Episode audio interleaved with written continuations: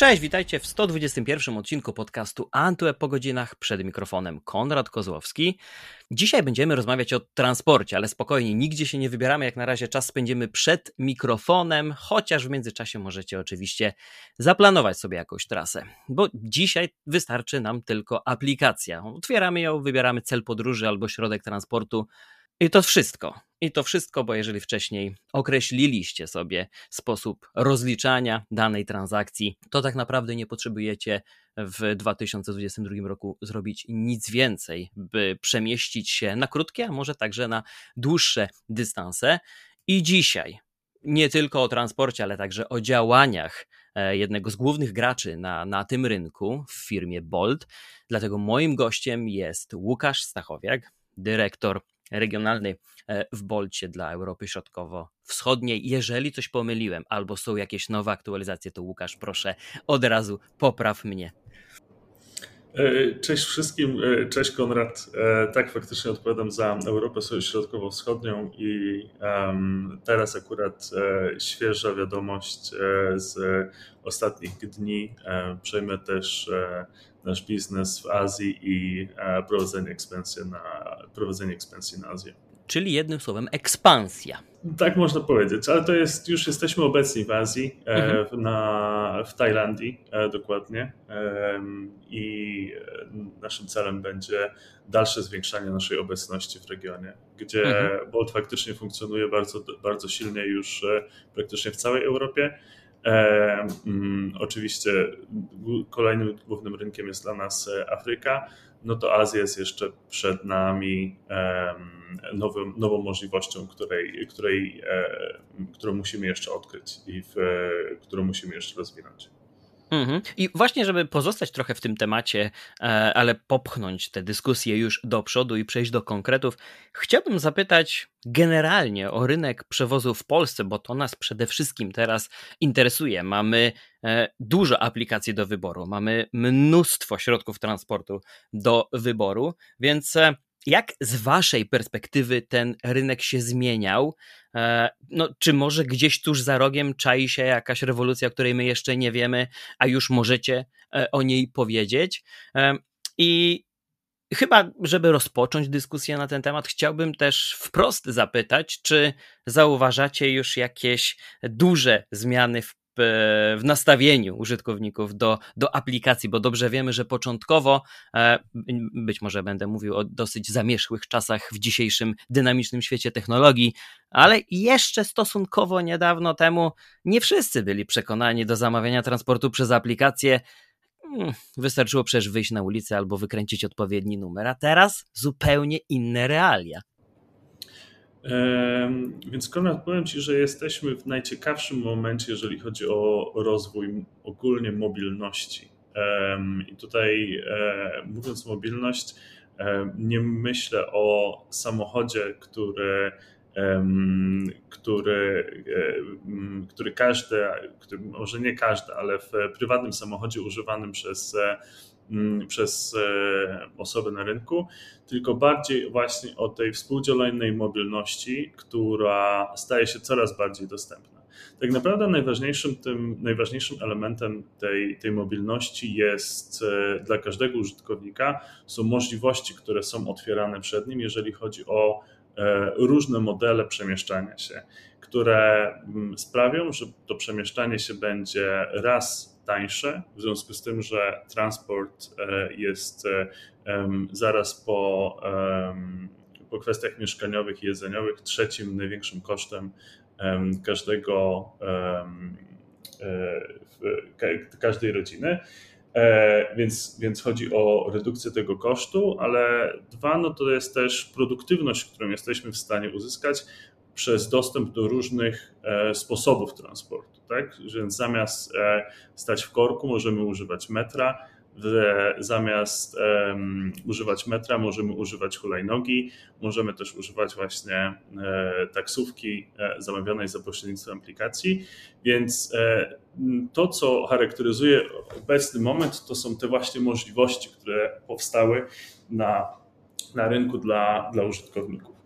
No i ja szczerze mówiąc cieszę się, że jesteśmy na froncie tej zmiany, bo naszym celem coś, co większość użytkowników widzi faktycznie jest jakby z perspektywy tylko tej aplikacji i, i zaczęliśmy od zamówienia, e, zamawiania przejazdów taksówkowego. Nie jest de facto ten przejazd sam sobie, tylko właśnie naszym celem jest e, wsparcie e, tutaj tej ogólnej zmiany, jeżeli chodzi o podejście do kwestii mobilności. Pierwsze to faktycznie były tutaj taksówki. Coś, co już w większości dużych polskich miast istnieje, to nasze hulajnogi elektryczne.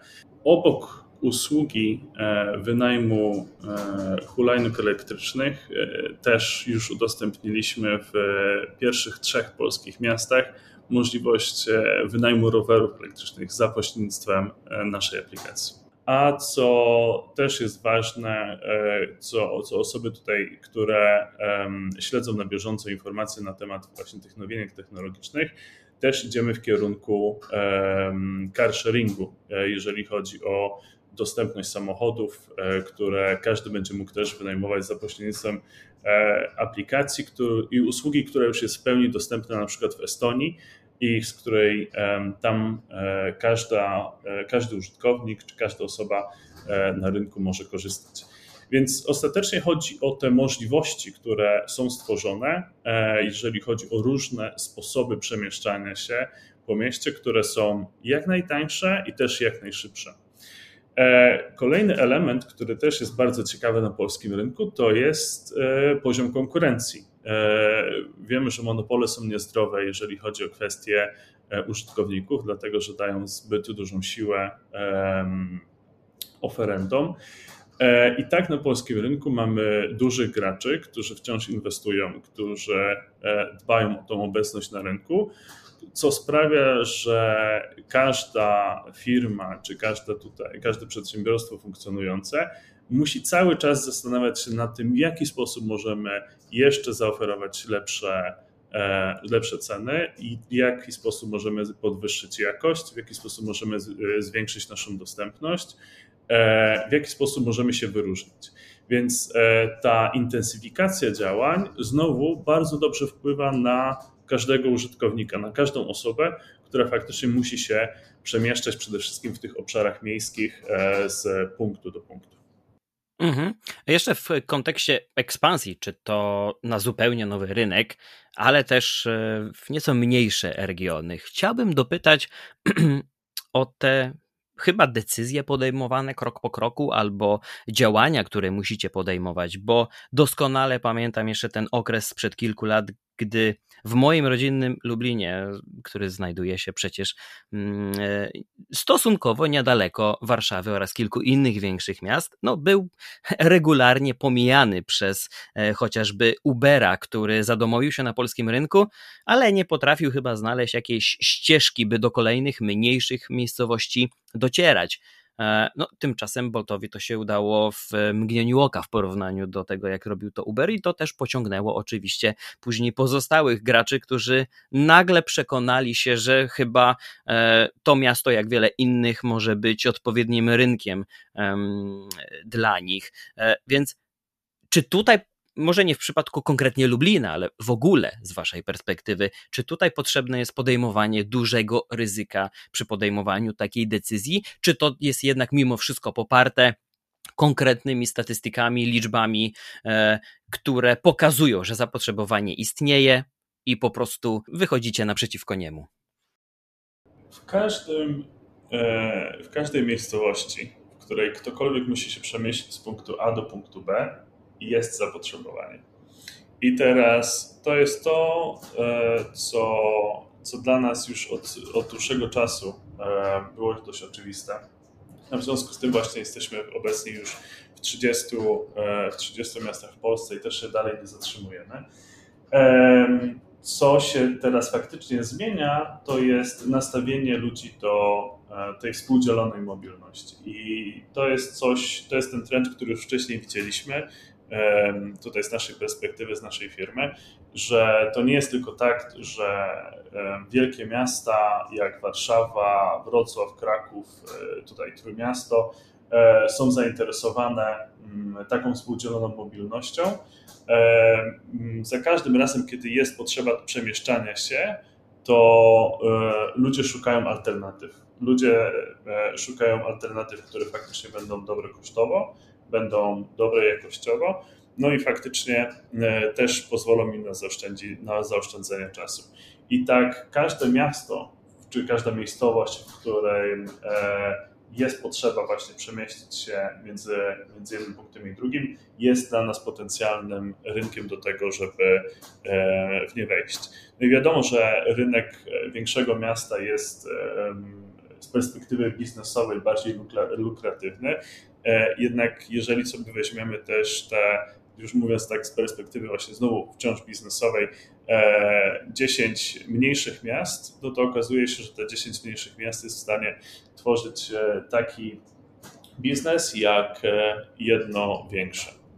No i szczerze mówiąc, znowu, mm, też nasza konkurencja zastanowiła się nad tym, w jaki sposób my funkcjonujemy na rynku i jak działamy, no i podjęła decyzję o wejściu do kolejnych lokalizacji, co ostatecznie, jeżeli też się tak na tym zastanowimy, znowu z perspektywy użytkownika, to są dodatkowe inwestycje, e, które są robione przez e, takie firmy właśnie jak nasza w dany rynek, co raz przekłada się bezpośrednio na możliwości dotyczące transportu, ale też na ogromną ilość miejsc pracy, które tworzymy, tak dla, e, dla Polaków, jak i obcokrajowców, którzy przede wszystkim, e, biorąc pod uwagę obecną sytuację geopolityczną w Europie, no też są w dużej potrzebie właśnie znalezienia, e, znalezienia pracy, znalezienia przychodu i zabezpieczenia, zabezpieczenia swoich rodzin. Mhm. Tylko z tej perspektywy użytkownika mogłoby się teraz wydawać, że jesteśmy na etapie stagnacji, kiedy już no chyba niewiele da się ulepszyć, niewiele tych modyfikacji i usprawnień można już wdrożyć. Ten system działa, sprawdza się e, i jak wy podchodzicie do wyzwań, które macie przed sobą, bo Oczywiście jednym z nich na pewno jest też e, zapanowanie nad tyloma e, rodzajami transportu, które oferujecie, oraz przecież zaraz wejdzie kolejna oferta, ale z drugiej strony, czy może jeszcze inaczej, na co zwracacie uwagę? Czy to też jest czas, kiedy można się na tych detalach, szczegółach w większym stopniu skupić? Może na jakiejś bardziej bezpośredniej współpracy z konkretnymi um, osobami? Jak to teraz wygląda w chwili obecnej? Najważniejsze są zawsze potrzeby użytkownika. I one determinują to, w jaki sposób e, każde przedsiębiorstwo funkcjonuje na rynku. Więc kiedy patrzymy i myślimy o tym, w jaki sposób my podejmujemy decyzje, e, to właśnie potrzeby naszych użytkowników determinują to, e, w którym kierunku rozwijamy, e, rozwijamy nasz biznes. I teraz, kiedy się zastanawiamy nad tym, jak, jak Bolt inwestuje, jak tutaj my inwestujemy, jeżeli chodzi o naszych, naszych użytkowników, no to ważnym jest zawsze dla nas e, nie tylko ta stopa zwrotu e, z takiej inwestycji, ale też faktycznie ten benefit, który otrzymują nasi użytkownicy. I teraz, żeby mieć konkretny przykład, nie? czy teraz warto wydać, dajmy na to, powiedzmy 10 tysięcy złotych na zniżki dla pasażerów, do tego, żeby jeszcze bardziej spopularyzować daną usługę, czy warto wziąć te same pieniądze i e, wydać je na, e, na billboardy na przykład w danym mieście, do tego, żeby mm, rozreklamować e, swoją markę, czy zwiększyć świadomość tutaj swojego brandu. No dla nas ta decyzja jest bardzo jasna, że my zawsze wybierzemy możliwość zaoferowania zniżek pasażerom.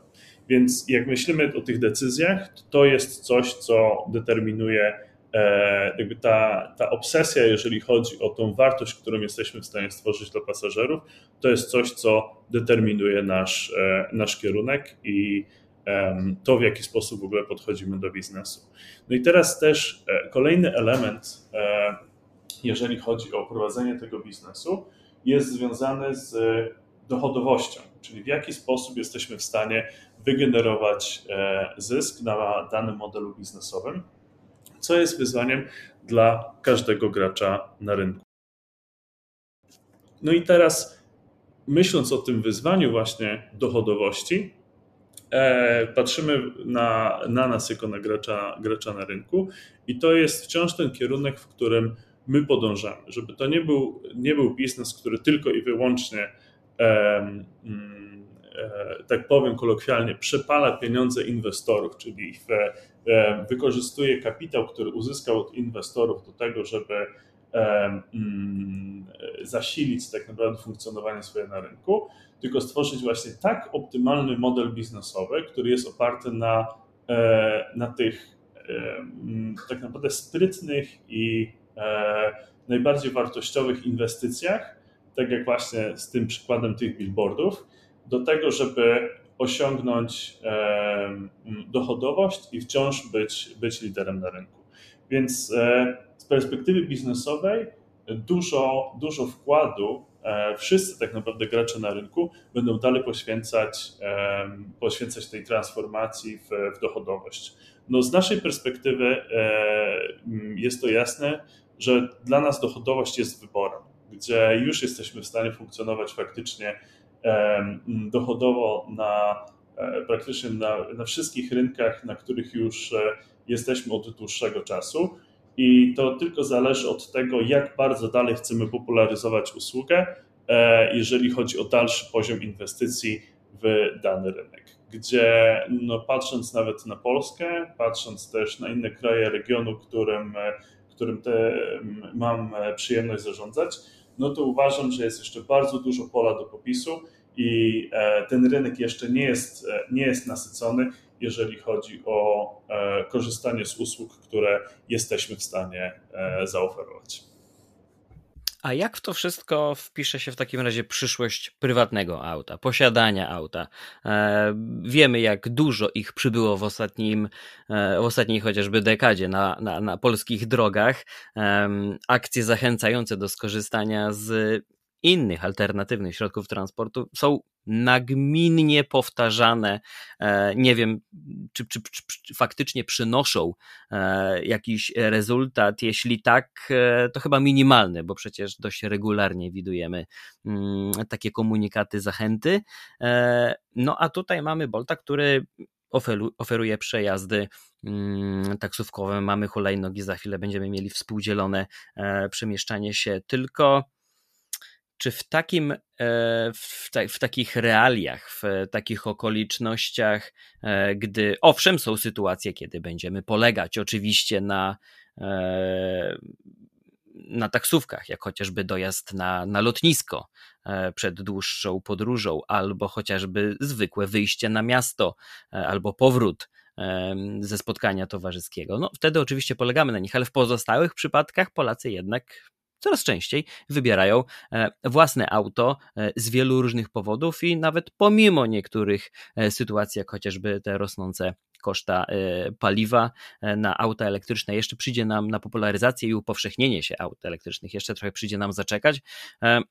Więc jakie jest spojrzenie na to firmy, która polega na tym, że będziemy jednak mimo wszystko wybierać inne środki, aniżeli własne auta? W ogóle super pytanie, Konrad. I to jest coś, jeżeli chodzi o, o ilość dyskusji na temat branży, to e, to jest właśnie temat, któremu najczęściej poświęcam, e, poświęcam czas nawet ze swoimi znajomymi. I tak samo zacznę od e, swojego własnego przykładu. Zanim trafiłem do, tutaj do Bolta, zanim mnie Bolt ściągnął do, do Polski, to robiłem 70, średnio 75 tysięcy kilometrów rocznie samochodem.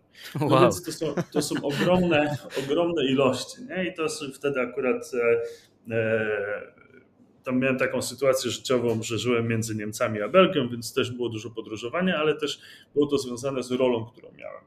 No i e, teraz jak patrzę w tył, wyobra- wtedy sobie nie wyobrażałem nie mieć samochodu i e, zawsze byłem, żyłem w takim przekonaniu, że to jest jedyne słuszne e, źródło transportu z perspektywy szybkości, z perspektywy dostępności, z perspektywy jakości i tłumaczyłem sobie to po prostu na wszystkie możliwe sposoby, że tak muszę mieć ten samochód i to jest coś, co bez czego się nie da żyć. No i powiem Ci, że przeprowadziłem się do Warszawy i teraz już dwa lata temu de facto. No i to było w środku, e, w środku pandemii, więc e, nawet pierwsze trzy miesiące, które e, zanim jeszcze byłem tutaj naszym regionalnym, regionalnym menedżerem czy regionalnym dyrektorem, odpowiadałem za nasz rynek w Polsce. No i tam była taka sytuacja, że wszystkie miejsca de facto były zamknięte, nie? Wszystkie restauracje były zamknięte, wszystkie przemieszczanie się w ogóle po, po kraju było problematyczne, ale też nawet e, mm, celowość tego przemieszczania się stała pod znakiem zapytania. Nie? No bo de facto nie można było się spotykać ze znajomymi, nie można było się spotykać z rodziną i tak dalej, i tak dalej. No i wtedy powiedziałem sobie, kurczę, w ogóle po co mi ten samochód, skoro będę teraz siedział przez najbliższe miesiące czy tygodnie w, e, w mieszkaniu i nie będę miał możliwości nawet z niego korzystać. No i, e, no i tak zrobiłem. Jakby nie kupiłem tutaj swojego samochodu, nie zainwestowałem, ale później w momencie, w którym nastąpiła, nazwijmy to, o, to taka odwilż, jeżeli chodzi o kwestie restrykcji, e, zacząłem w pełni korzystać z możliwości, które daje tutaj ten, ta, ta współdzielona mobilność. Począwszy faktycznie od e, naszych samochodów, czy tutaj bardziej taksówek, które, które działają u nas na platformie, E, czy właśnie hulajnóg elektrycznych. No i nagle zobaczyłem, że właśnie funkcjonowanie w tym takiej miejskiej, w takim miejskim życiu stało się dla mnie o wiele prostsze. Więc jak e, co przez to rozumiem? Pierwsze co, to ilość czasu, które teoretycznie musiałbym spędzić w korkach, kiedy tutaj dostałem takie statystyki, jeżeli chodzi o ilość czasu, które spędziłem właśnie w E, w taksówkach zamówionych za pośrednictwem aplikacji Bolt, to łącznie chyba za, za zeszły rok wyszło mi jakieś dwa tygodnie pełne pod kątem e, czasu, który, który spędziłem w samochodzie. No i teraz, e, mając ten czas właśnie, który był mi dany do dyspozycji, z, jakby zrozumiałem, że to jest czas, który ja mogę wykorzystać właśnie na czy poczytanie czegoś, czy faktycznie nawet popatrzenie za okno przez chwilę w milczeniu i nie martwieniu się o te korki. E, Co robimy ta... coraz rzadziej, tak notabene, bo cały czas przecież szukamy tych bodźców, e, e, czy to w smartfonach, czy w innych różnych multimediach, a tu bardzo, bardzo fajny i e, przyjemny przykład, także bardzo tak. fajnie, że o tym wspomniałeś. I, no i właśnie, i powiem Ci, że e, co się zmieniło, to jakość, mogę powiedzieć bardzo klarownie, że zmieniła się jakość mojego życia, jeżeli chodzi o kwestię nieposiadania samochodu, uzyskanie takiej produktywności, ale nie tylko z perspektywy biznesowej, ale taką, takiej produktywności w swoim życiu na co dzień i tego, jak ja się czuję na co dzień, jeżeli chodzi o ilość tych właśnie bodźców, o których, o których wspomniałeś.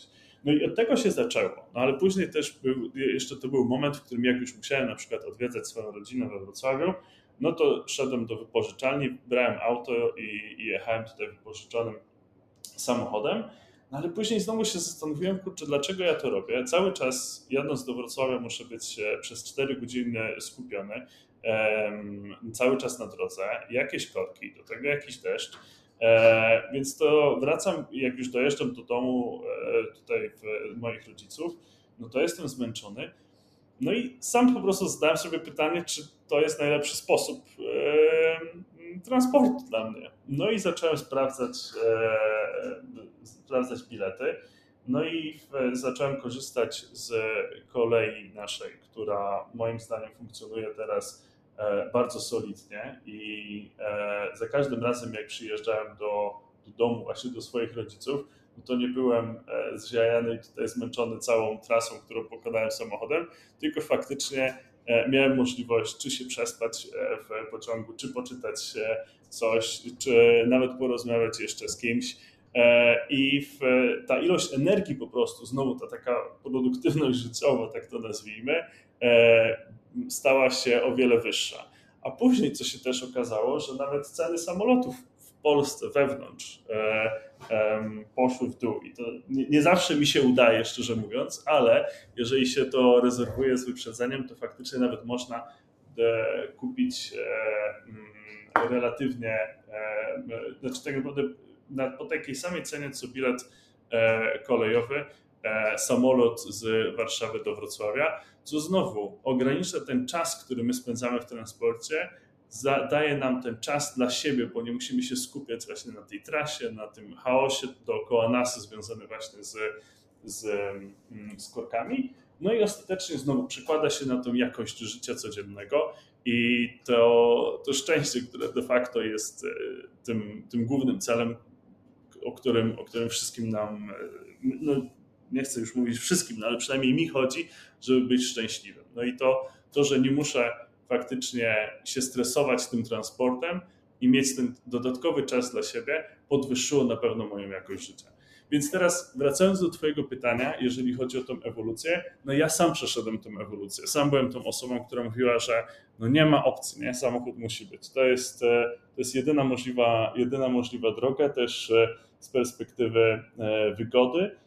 A teraz e, z tego zatwardziałego przeciwnika e, jestem jednym z, e, z tych osób, które udowodniły na swoim własnym przykładzie, że jakość życia się zwiększa, koszty tak naprawdę idą, idą w dół i ostatecznie no, przekłada się to na, na, na więcej energii do, do działania na co dzień. Szczerze mówiąc, nie wiem, czy będę na to gotowy, bo za każdym razem, czy tu chodzi o zwykłe pojawienie się na treningu, czy weekendowy wypad za miasto, no to są jednak jeszcze te okoliczności, w których um, znalezienie alternatywy um, myślę, że byłoby trudne, a ta swoboda jeszcze też dużą rolę odgrywa. E, być może jakaś rewolucja w transporcie publicznym by sprawiła, że mógłbym jeszcze poważniej o tym myśleć. Natomiast e, no ja też pamiętam e, swoje wypady jeszcze w momencie, kiedy w Polsce trudno było myśleć o zamawianiu taksówek przez aplikację i, i ten przełom, który uzyskaliśmy, był, był no, czymś fantastycznym. Ale muszę też zahaczyć o jeszcze, jeszcze jeden aspekt tego podróżowania za pomocą pojazdów zamawianych przez, przez aplikację. Mowa oczywiście o, o bezpieczeństwie, bo o tym mówi się coraz częściej w coraz bardziej różnych scenariuszach i, i przypadkach. Więc e, jakie tutaj wyzwania na tym froncie e, znajdują się aktualnie przed, przed Wami, z którymi radzicie sobie teraz, obecnie i w jaki sposób? Nie ma ważniejszego przedsięwzięcia, nad którym pracowałem e, tutaj w Bolcie niż zwiększanie poziomu bezpieczeństwa pasażerów, ale też e, kierowców, którzy e, korzystują tutaj z, z naszej platformy. Więc e, myśląc sobie o ilości kierowców czy ilości pasażerów, którzy korzystają z naszej, tutaj z naszej platformy i zamawiają przejazdy za pośrednictwem aplikacji, to, to nie jest tylko robienie biznesu, tylko to jest ogromna odpowiedzialność de facto za, za życie i za e, bezpieczeństwo ludzi, którzy, e, którzy korzystają tutaj z, z naszej platformy. Więc jakby z naszej perspektywy e, kładziemy nacisk pierwsze na, e, na element e, weryfikacji i pracy po, z, z naszymi kierowcami do tego, żeby zwiększyć poziom bezpieczeństwa właśnie pasażerów, czy element sprawdzania niekaralności formalnie, zanim dana osoba będzie mogła funkcjonować e, jako kierowca, czy weryfikację tożsamości e, z perspektywy dokumentów i z perspektywy nawet selfie, które dany kierowca musi zrobić, żeby e, ubiegać się o to, żeby móc funkcjonować tutaj w ramach jednej z flot E, działających na, na platformie. E, ważny jest ten element pasażera i tutaj tak z perspektywy takiej czysto ludzkiej, też osoby, która korzysta z, mm, z, z naszej aplikacji tak naprawdę każdego dnia, mm, chciałbym, chciałbym jakby tutaj to jest, ten, też na, to jest też ten nasz cel, nad którym pracujemy i co staramy się zapewnić, żeby każda osoba, która podróżuje z, z nami, czy raczej z kierowcami, którzy tutaj funkcjonują u nas na platformie, mogła się czuć w pełni bezpiecznie. Raz, że z perspektywy znowu takiej produktowej, gdzie można podzielić się trasą, którą się e, poruszamy z punktu A do punktu B, żeby inne osoby wiedziały, gdzie, gdzie jesteśmy, czy możliwość zamówienia, e, czy tutaj wezwania pomocy w sytuacji zagrożenia bezpośrednio też z, z poziomu aplikacji, e, czy eliminowania właśnie nawet bardzo wczesnych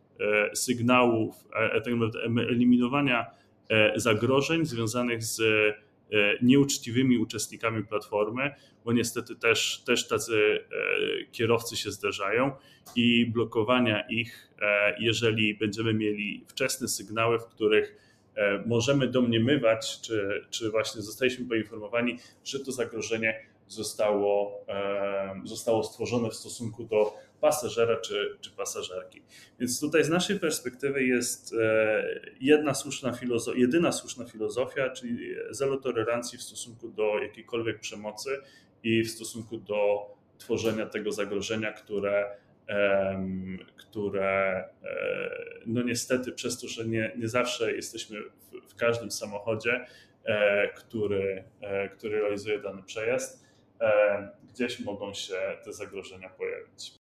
Jednym słowem, ręce pełne roboty, tak naprawdę, z dnia na no. dzień. Tym bardziej chyba, jak się ma ponad 100 milionów klientów na, na, na całym globie.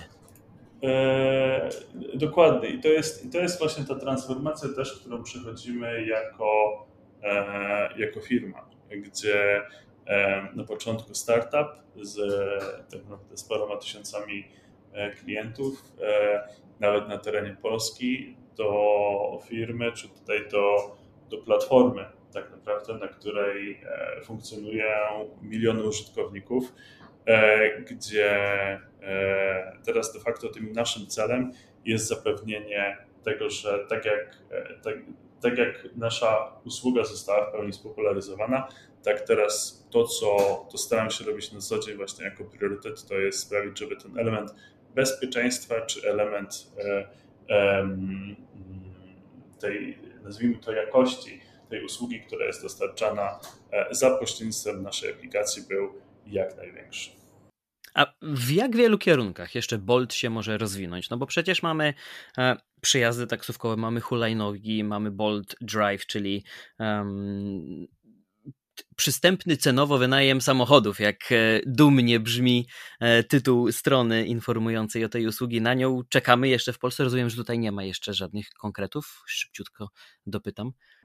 Jeżeli chodzi o usługę Bolt Drive, czyli usługę właśnie carsharingową, rozwinęliśmy e, jej funkcjonowanie w Estonii. I na chwilę obecną skupiliśmy się przede wszystkim na tym rynku do tego, żeby móc ją dopracować, zanim będziemy prowadzili jakąkolwiek ekspansję. No tak, z naszej strony na pewno patrzymy na e, wszystkie rynki europejskie i też nieeuropejskie pod kątem e, dalszej ekspansji. E, jak tylko będziemy mieli e, konkretne informacje na ten temat, no to na pewno będziemy tutaj, e, czy tobie, czy, czy też szerszej prasie i szerszemu gronu przekazywać. To bardzo dobre wieści, bo ten boom na aplikacje ja też mam już za sobą. Nie chcę mieć wielu aplikacji do wielu czynności i zadań. Wolę mieć wszystko w ramach jednej co też łączy się z wcześniej zadanym przeze mnie pytaniem, no bo mamy przejazdy taksówkowe, hulajnogi, mamy Bolt Drive, możemy zamawiać jedzenie, więc e, no gdzie znajduje się e, ten limit, tak naprawdę jakaś granica e, rozwijania aplikacji, usługi w ramach jednej aplikacji, która też delikatnie może też zacząć w którymś momencie wykraczać poza stricte transport? Jak sobie popatrzymy e, na e, właśnie rynki azjatyckie, to tam, e, tam mogliśmy zaobserwować ten trend. To był pierwszy rynek, na którym ten taki trend powstał. My to nazywamy super app, czyli właśnie taka super aplikacja, która, mm, która pozwala na skonsolidowanie dużej ilości usług dla użytkowników i sprawienie, że ta, ta dostępność czy ta wygoda sprowadzi się do używania tej jednej aplikacji, która będzie w stanie zaoferować jak największy zakres usług, no ale też oczywiście w, mm, z jak największym e, tą wartością, którą jesteśmy wygenerować dla, dla użytkowników. Bo nawet e, jakby zaczęło się to faktycznie e, w, może nie tyle co zaczęło, co spopularyzowało się to na początku w Azji, teraz to już przeszło do, do Ameryk i do, też do Europy. używanie tej jednej aplikacji, nawet jak, jak sobie myślę o sobie i z perspektywy ilości aplikacji, nawet które miałem na swoim telefonie zainstalowanych e, wcześniej, a teraz, no to jest to duża różnica. Teraz faktycznie szukam tej wygody na poziomie telefonu, żeby mieć e, usługi, z których mogę korzystać, które będą e, skonsolidowane, które będą dostępne i które faktycznie będą mi oferowały ten, ten standard, do którego przywykłem w jednej usłudze, będą mi oferowały ten standard też w tych innych usługach oferowanych.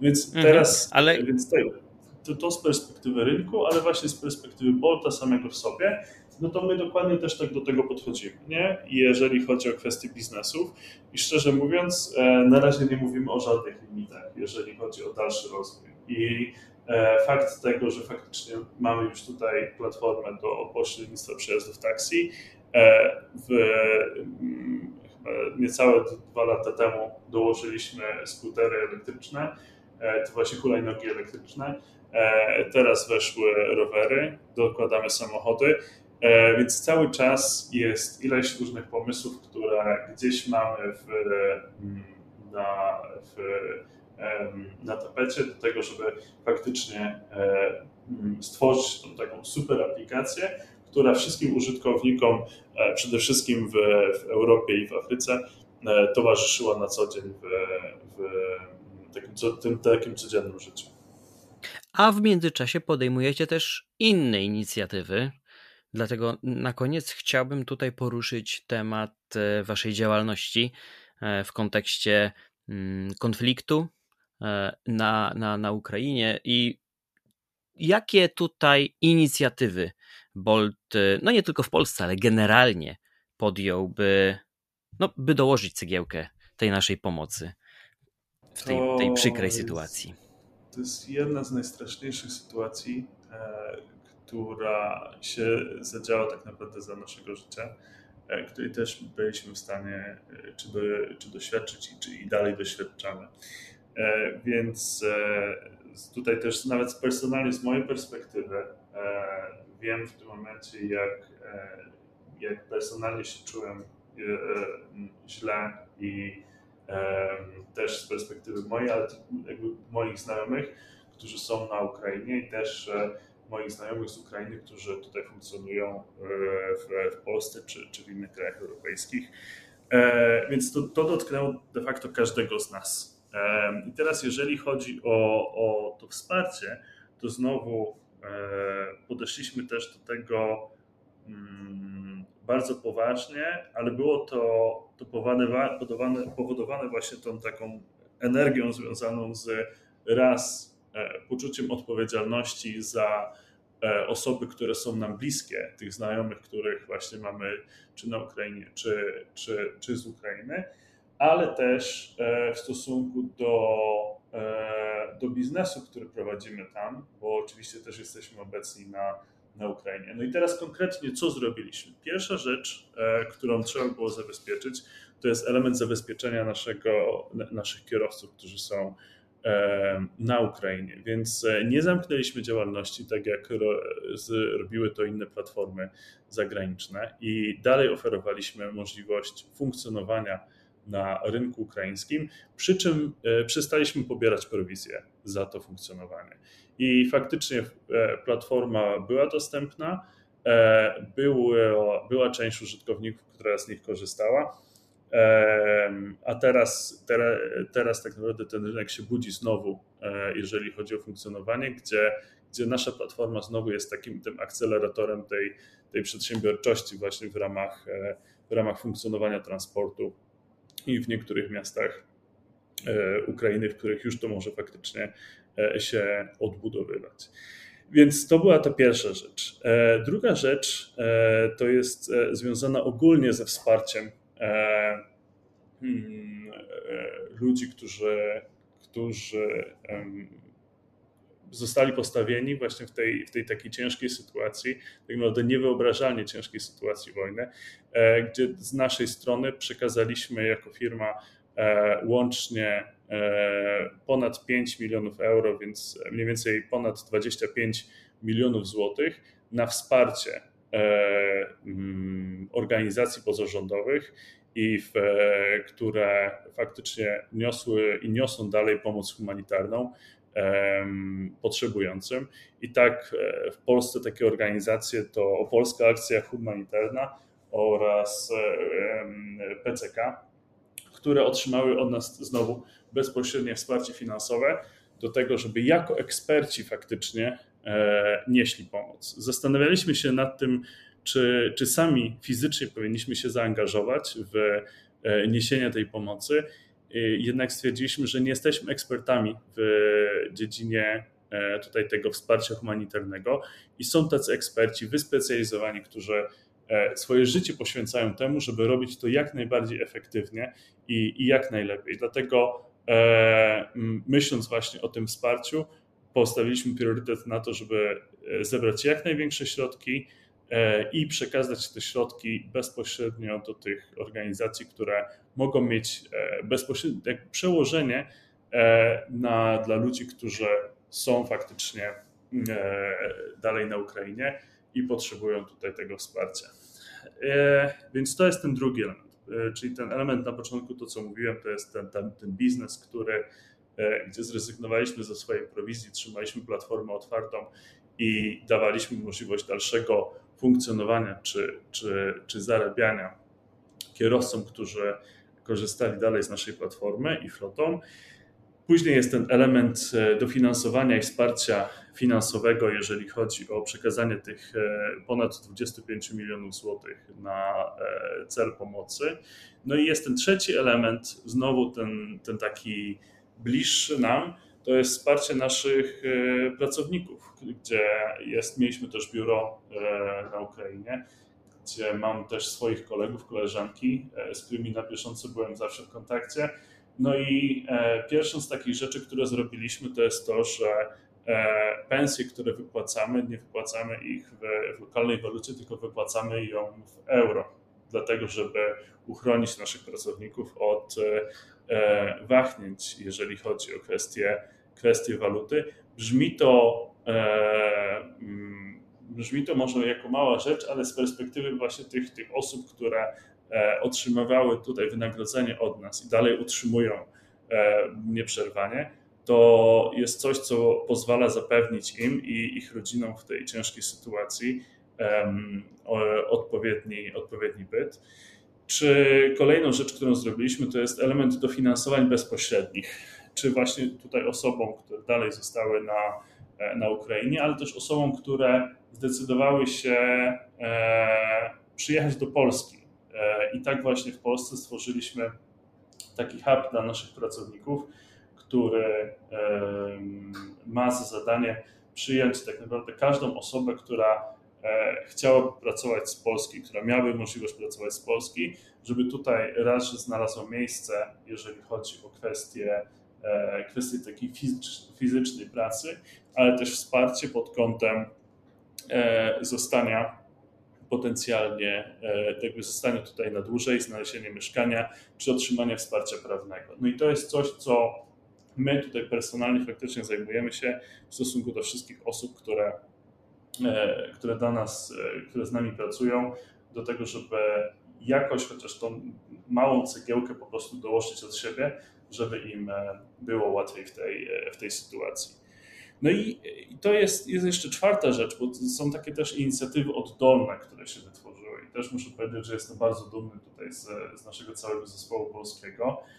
Przede wszystkim, bo, bo wciąż jestem, wciąż tutaj pracuję w Polsce i na bieżąco widzę, jak te decyzje każda osoba podejmowała gdzie też nawet na swoim przykładzie z moją dziewczyną mieliśmy, mamy tutaj na tyle w jakby szczęście, że mieliśmy jedno, w, mieliśmy mieszkanie, które było na przykład wolne w Warszawie, które bezpośrednio przekazaliśmy e, właśnie jednej z rodzin, bez oczywiście pobierania jakiejkolwiek opłaty i też e, były tutaj jakiś fundusz e, pomocowy, z którego teoretycznie można było korzystać, no ale też stwierdziliśmy, że jeżeli jesteśmy sobie w stanie z tym sami poradzić finansowo, to nie będziemy brali tutaj dodatkowych pieniędzy z rządu na to.